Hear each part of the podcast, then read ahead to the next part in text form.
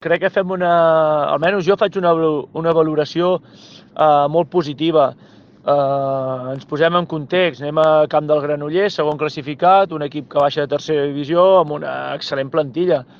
I, i crec que competim de tu a tu i molt bé. Eh, ens emportem un punt, el que volíem era emportar-nos tres, crec que hem lluitat i hem competit i hem fet futbol pels tres, eh, òbviament va de gols i, i el resultat és el que és, però crec que hem estat un punt per sobre de, del Granollers. Crec que en còmput global, eh, bueno, potser ens en mereixíem dos punts nosaltres i un ells. Eh, hem, fet, hem fet bon futbol, hem estat intensos, hem estat valents i atrevits. Bueno, crec que, que avui ens hem reforçat una mica l'idea, Uh, cal destacar també que, que hem tingut participació de jugadors que no estaven participant tant i han tingut una molt bona actitud, un molt bon treball, uh, molt bon encert.